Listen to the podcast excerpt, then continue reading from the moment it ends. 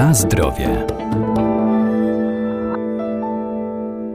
Emulgatory, środki żelujące i spulchniające, zagęstniki czy konserwanty to dodatki, które są powszechnie stosowane w produkcji żywności. Kryją się pod symbolami E. O ich zawartości dowiemy się ze składu danego produktu, który zapisano na opakowaniu. To m.in. zamienniki cukru, w tym coraz bardziej popularny ksylitol, czyli cukier brzozowy. Co warto o nim wiedzieć?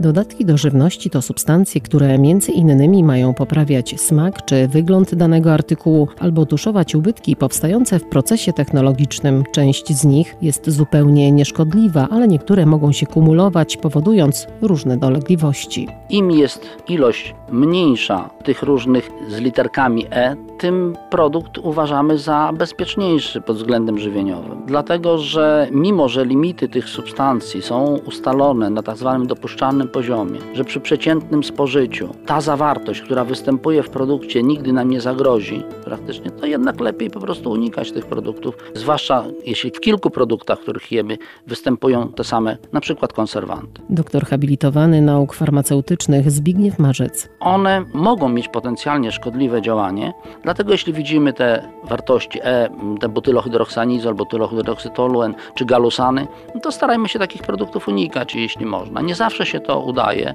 bo wiele napojów na przykład jest konserwowanych benzoesanem sodu, który może powodować potencjalne reakcje alergiczne. Może. Nie znaczy, że u każdego spowoduje. Ale prawda jest też taka, że gdyby wiele substancji nie było konserwowanych, to ich okresy przydatności byłyby bardzo krótkie. W związku z tym niechętnie nawet byłyby produkowane i kupowane przez sklepy, bo byłyby duże po prostu zwroty. Więc dlatego je się konserwuje, nie dlatego, że my lubimy, czy nawet, że producenci lubią, ale taki jest wymóg. Kolejnym takim przykładem mogłyby być wyroby wędliniarskie, gdzie dodajemy środki też konserwujące, typu azotany czy azotyny, czyli azotany 3 i 5. Jedną z funkcji jest konserwowanie żywności, ale drugą jest y, nadawanie odpowiednich cech organoleptycznych sina szynka w sklepie robi złe wrażenie na konsumencie i pewnie on jej nie kupi. Więc godzimy się na ten dodatek, zwłaszcza, że jego są ścisłe przepisy, mówią ile jego tam może być. Dodaje się go nie bezpośrednio do produktu,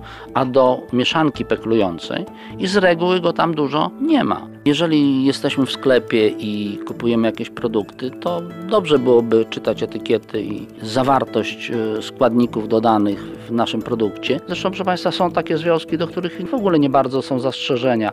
To właśnie ten kwas cytrynowy, kwas mlekowy, węglan wapnia, który dodaje się do produktów mącznych, czy można dodawać, dlatego że po prostu tam ilość wapnia jest naturalnie zmniejszona. Na zdrowie. Ksylitol kryje się pod symbolem E967. Stosowany jest w przemyśle spożywczym do słodzenia żywności, głównie gum do rzucia i cukierków, ze względu na działanie przeciwpróchnicze. Ma wielokrotnie niższy indeks glikemiczny niż biały cukier. Mamy wieloalkohole, takie pochodne cukrów nazywane poliolami. One częściowo występują naturalnie w przyrodzie, częściowo te, które mamy jako dodatki do żywności są syntezowane. Najbardziej chyba znany jest ksylitol, który można otrzymywać naturalnie z naturalnych źródeł. On jest standardowo stosowany innymi do produkcji gum do rzucia jako środek słodzący. Te inne również, te wieloalkohole mają słodycz gdzieś na poziomie średnio 60% słodyczy sacharozy, czyli no jest to ładnie wyczuwalna, tak na poziomie glukozy można by powiedzieć.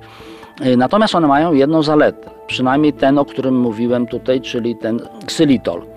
Mianowicie on nie jest y, źródłem energii i produktem spożywanym przez bakterie, na którym one mogą się rozwijać.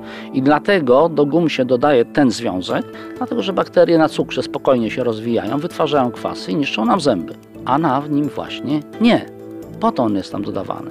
A jako środki słodzące, owszem, też są stosowane po prostu. Jest znowu cała lista produktów, do których można je dodawać.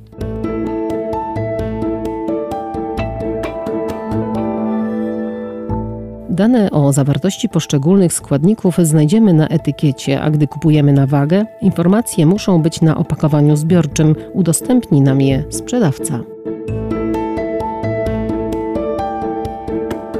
Na zdrowie.